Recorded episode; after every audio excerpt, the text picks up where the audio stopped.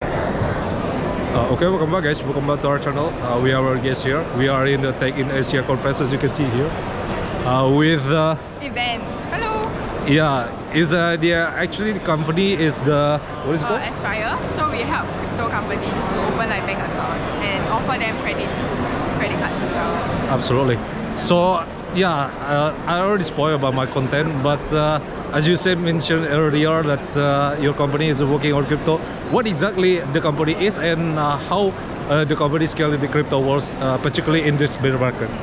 Okay, so it's an all-in-one finance system for crypto companies. We understand that it's difficult for them to open like a, traditional bank account because of the restrictions all over the world. So we are like a, a separate entity where can allow you to store, send, and receive yeah. What the problem that they try trying to solve? Because uh, as you can see, the uh, when it comes to like fintech and uh, crypto app or something, uh, there will be like network effects, right? And what why this company different other compared to others? Because uh, there are some companies already big names, right? and Big brands. right? Correct. What is your uh, unique value proposition? So uh, we actually function basically like a traditional bank, like the big names. But what we do is expense management. We help you to allocate your budget, etc. So that is something that is our value proposition. And everything is all in one app, uh, one one one, place for you to manage all your finances.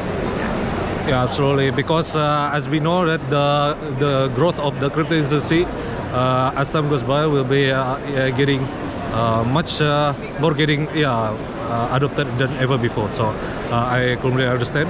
So uh, why crypto though? Uh, because uh, do you see that uh, any potential in this, or it's just uh, kind of FOMO? Because uh, some technology like uh, have you ever heard like dot com bubble right back in 2000 when the valuation is uh, you know out of the blue uh, going significantly higher but uh, it's unfortunately like a bubble but uh, do you see think uh, do you think uh, this is like a bubble or do you see, uh, do you see like any potential uh, yeah it's just your perspective uh, yeah with this company Oh, I think the camera is yeah it's already it's still still.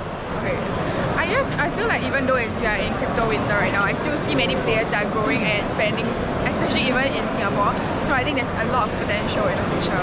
Yeah. Yeah, absolutely. As uh, we know that the uh, the public company is already growing bigger, and that's why it's uh, gonna take there.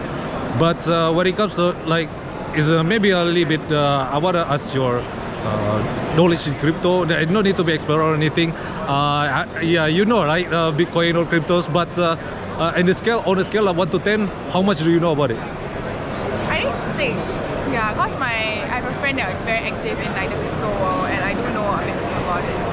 Yeah. Especially in Singapore, there is like a big community, and when it comes to crypto, right? Yeah, there's actually a crypto event next week.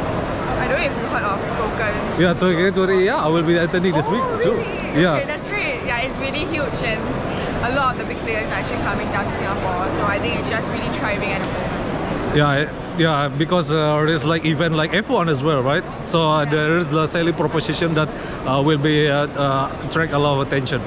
And then, yeah, since you know about it, what is Bitcoin or crypto for you? What is Yeah, what is it? What is it? Yeah, It's like- just for fun. Yeah, because you already know like six, right? Sorry? You already know uh, six about it, right? I mean, on the scale of one to ten, yeah. you already yeah. It's like another form of like currency where I think it's a more transparent uh, platform for us. Yeah. Yeah, absolutely. Because uh, you know, when it comes to like uh, inflation or something, the uh, currency the debasement will be uh, uh, all-time high. So uh, that's uh, pretty much sense, and that's why your uh, company is building what you're building right now, right? So yeah, that's pretty much about it. It, just for fun, no financial advice.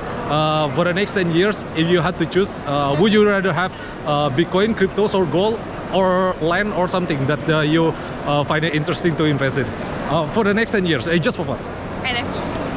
Oh, why? Why? Because it's like uh, out of the bubble right there, right? Yeah, yeah. But I think it's a very interesting concept. Like even the play to earn, uh, it's just really exciting for the future if it actually comes true.